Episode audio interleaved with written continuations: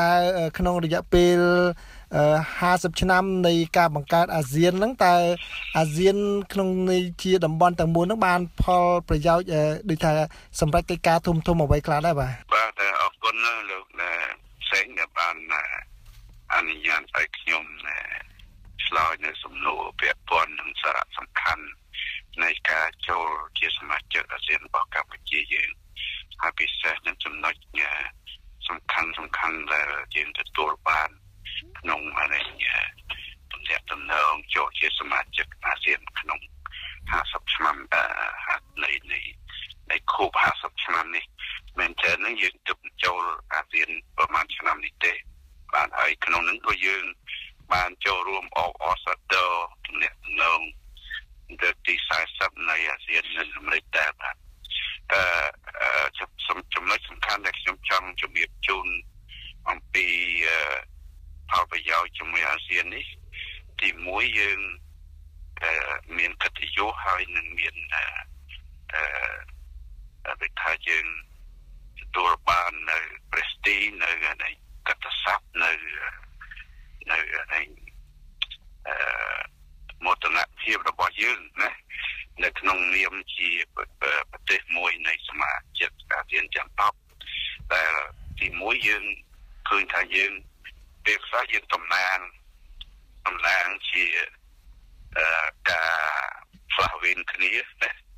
ដោយយើងមានតែតែបើយើងនិយាយពីកម្ពុជាយើងយើងតូចទេប៉ុន្តែយើងជាមណ្ឌលគេថាជាជាមជ្ឈមណ្ឌលនៃប្រទេសអាស៊ានហ្នឹងដែលមាន ទំហំដីដល់ទៅជាង4លានគីឡូម៉ែត្រការ៉េណាហើយប្រជាជនយើងយើងតែ6 10លានអីចឹងប៉ុន្តែបើយើងតំណាងឲ្យអាស៊ានវា630លាននាក់អញ្ចឹងទៅណាហើយចំពោះ labor ចំពោះពលកររបស់យើងក៏យើងមានជិត300លាននោះបើយើងនិយាយពីអាស៊ានណាហើយអាស៊ានយើងក៏បង្ហាញនៅសក្តានុពលផ្នែកវប្បធម៌និងធនធានរ៉ែ ក្រមដីហើយ geopolitics គឺថានិយាយអំពីយុទ្ធសាស្ត្រនយោបាយនិងភូមិសាស្ត្រនៅក្នុងអាស៊ាននឹងយើងគឺជាមជ្ឈមណ្ឌលដែលនៃនៃការឆ្លងកាត់រវាងមហាអំណាចទាំងអស់អឺនិយាយរួមគឺថាខាងលិចខាងកើតនឹងនៃពិភពលោករបស់យើងនឹងអញ្ចឹងយើងមានមោទនភាពណាស់ដែលយើងបានចូលរួមនៅក្នុងអាស៊ាននេះ ដែលជាឱកាសឲ្យយើងបានធ្វើសហប្រតិបត្តិការរវាងប្រទេសយើងជាមួយអាស៊ានណាទៅលើគ្រប់វិស័យដូចជាវិស័យសេដ្ឋកិច្ចពាណិជ្ជកម្មនឹងផងណាហើយអឺជាមួយនឹងមហាប្រទេសទៀតដូចជាអាមេរិកជាដើមនឹងជាមានមោទនភាពដោយឃើញអាស៊ានមានអឺ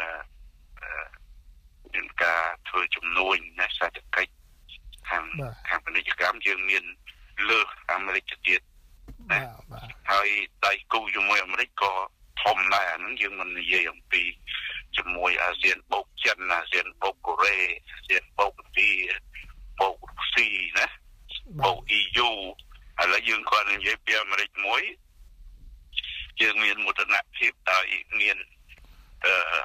បាទខ្ញុំខ្ញុំចេញមកលើនឹងមកលើអានេះនឹងច្រើនណា បាទលើលើណែអាមេរិកនឹងច្រើនរយពាន់ពាន់លានដុល្លារបាទខ្ញុំនឹងត្រឡប់មករឿងអាមេរិកនេះនៅពេលបន្តិចទៀតប៉ុន្តែឥឡូវនេះដោយសារលោកបានលើកឡើងពី ផលប្រយោជន៍ដែលកម្ពុជាទទួលបានក្នុងការចូលអាស៊ាននោះលោកអាចបញ្ជាក់បន្ថែមបានថាតើផលប្រយោជន៍អីខ្លះទៀតសម្រាប់ប្រទេសកម្ពុជា ការពិតទៅកម្ពុជាជាសមាជិកថ្មីនៅក្នុងសមាគមអាស៊ានហ្នឹងបាទទីមួយយើងដោះស្រាយបាននៅទំនាក់ទំនងល្អលើវិស័យពាណិជ្ជកម្មណាហើយយើងអាច ដូចថាសហប្រតិបត្តិការគ្នាទៅលើចនាសម្ព័ន្ធដូចជាថ្មីថ្មីនេះមានតែការរៀបចំធ្វើឲ្យផ្លូវរថភ្លើងផ្លូវទីភ្លើងណាហើយយើងអាចនាំពលករទៅមកបានហើយជាមួយគ្នានេះក៏មានការគោរពលើអធិបតេយ្យភាពគ្នាទៅវិញទៅមកដែរនៅក្នុងអរិញញ្ញាជាមួយអាស៊ាននេះគឺ មានការគោរពទៅលើអធិបតេយ្យភាពនៃប្រទេសទីមួយគឺមិនជឿជាក់ចូលកិច្ចការផ្ទៃក្នុងទេរបស់គ្នាទៅវិញទៅមកទេអញ្ចឹងឧបមាថាមានជាចំនួនអីផ្សេងផ្សេងគេដោះស្រាយដោយសន្តិវិធីហើយក៏ពុំអាចនឹងប្រទេសណាមួយជាជ្រែកចូលកិច្ចការផ្ទៃក្នុងប្រទេសផងគ្នាដែរដូច្នេះទៅវាមានប្រយោជន៍យ៉ាងហើយអំពីបច្ចេកវិទ្យាក៏យើងមានការផ្លាស់ប្ដូរគ្នាណាយើង រៀនសូត្រពីគ្នាទៅវិញទៅមកខាងផ្នែកភាសាយើងអាចនឹងអឺធ្វើការជាមួយនឹងអាមេរិកជាកញ្ចប់ចឹងទៅរបស់អាស៊ានហ្នឹងទៅហើយយើងក៏ត្រូវការនៅសេវាដែលយើងត្រូវបានពីអាស៊ានដែរអាស៊ានក៏ត្រូវការកម្លាំងពលកម្មយើងទៅដែរញ៉ាំវាងាយស្រួលក្នុងទំនាក់ទំនងរវាងប្រទេសយើងនៅក្នុងអាស៊ានហ្នឹងហើយសប្តាហ៍នេះមានប្រយោជន៍លើគេថា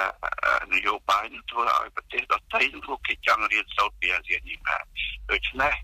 យើងមានផលប្រយោជន៍ច្រើនណាស់ដូចជាទប់ទល់ប្រឆាំងនឹងការជួញដូរមនុស្សការជួញដូរគ្រឿងញៀនការប្រឆាំងនឹងអានេះភារកម្មអីច្រើននឹងគឺថាយើងយើងសហការគ្នាបានល្អបាទបាទចំណុចមួយ គឺ មានការលើកឡើងសម្ដែងការព្រួយបារម្ភថា ការថាសាមគ្គីភាពអាស៊ាននឹងអាចនឹងប៉ះពាល់ដោយសារតែបញ្ហាសមុទ្រចិនខាងត្បូងនឹងដែលសមាជិកអាស៊ានខ្លះគ្រប់គ្រងចិនសមាជិកអាស៊ានខ្លះមានទំនាស់ជាមួយចិនហ្នឹងតើលោកមើលឃើញថាកត្តានេះអាចនឹងបែកបាក់នៅក្នុងជួរសមាជិករបស់អាស៊ានទេបាទសាមគ្គីភាពហ្នឹងបាទអាហ្នឹងគ្រាន់តែជាការព្រួយបារម្ភអ្នកដតីទេហើយចំពោះអាស៊ានគ្នាឯងហ្នឹងគេយល់ទេ ហើយប្រទេសធំធំនោះក៏គាត់យល់អំពីជំហរដែលអាស៊ានត្រូវប្រកាន់យកដែរ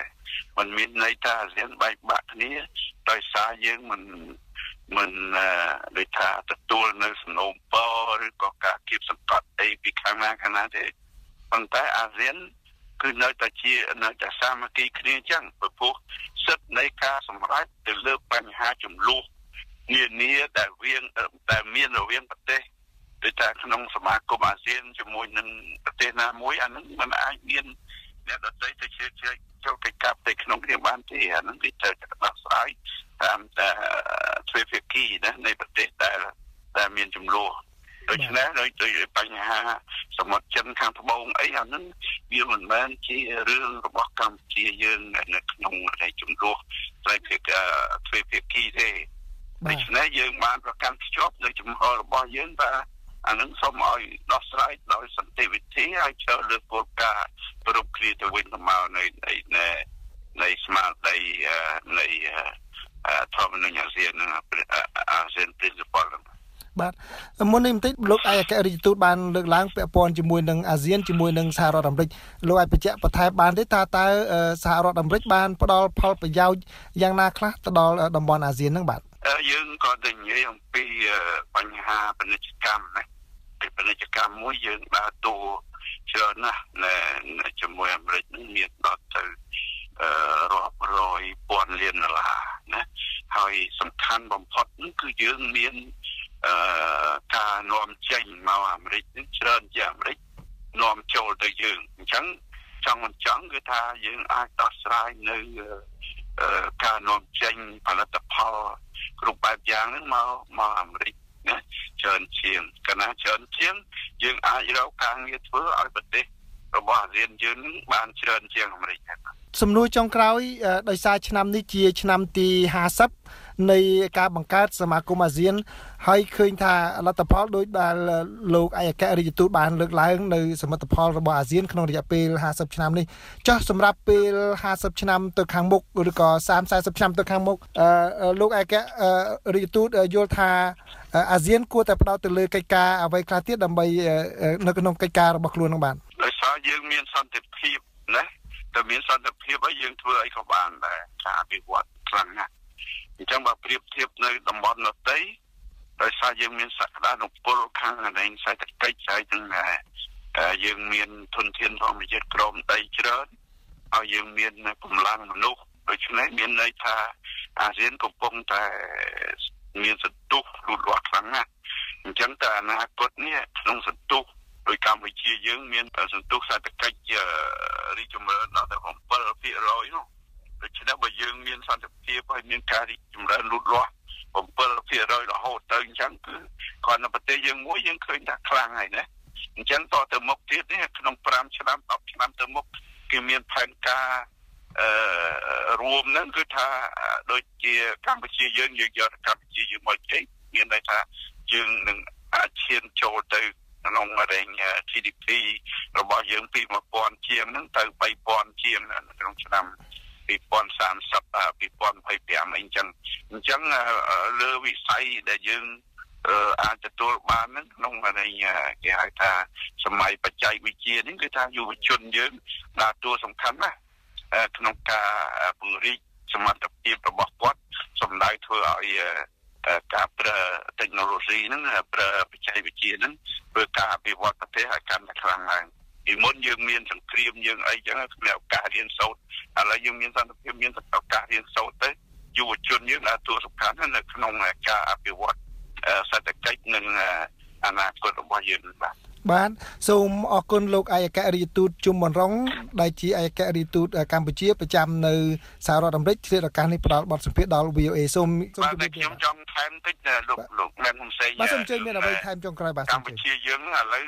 ខ្លាយទៅជាប្រទេសទី104នៃគេហៅ Group Earth Observation ដែលជាអង្គការមួយប្រមូលផ្ដុំនៃទិន្នន័យជាសកលអន្តរជាតិនេះហើយយើងមានមោទនភាពណាស់ដែលយើងបានទទួលជាសមាជិកទី104ហើយព្រឹកមិញហ្នឹងលោកប្រធានអគ្គលេខាធិការរបស់អង្គការនឹងបានប្រកាស កម្ពុជាយើងចូលជាសមាជិកទី104ហ្នឹងដែរអញ្ចឹងយើងនឹងទៅអនាគតយើងមានអឺលទ្ធភាពអាចទទួលបានទិន្នន័យជាសកលពីសតឡាយអំពីនៃផ្កាយរណបដែលគេប្រើប្រាស់តនសម័យនៅក្នុងសកលលោកនេះមកតែមានទីស្នាក់ការធំនៅអី ស្នេហ៍បាទបាទសូមអរគុណលោកជុំរងម្ដងទៀតដែលជាឯកអគ្គរដ្ឋទូតប្រទេសកម្ពុជាប្រចាំនៅសហរដ្ឋអាមេរិកជារការនេះផ្ដល់បទសម្ភាសន៍ដល់ VA បាទសូមជម្រាបលាបាទ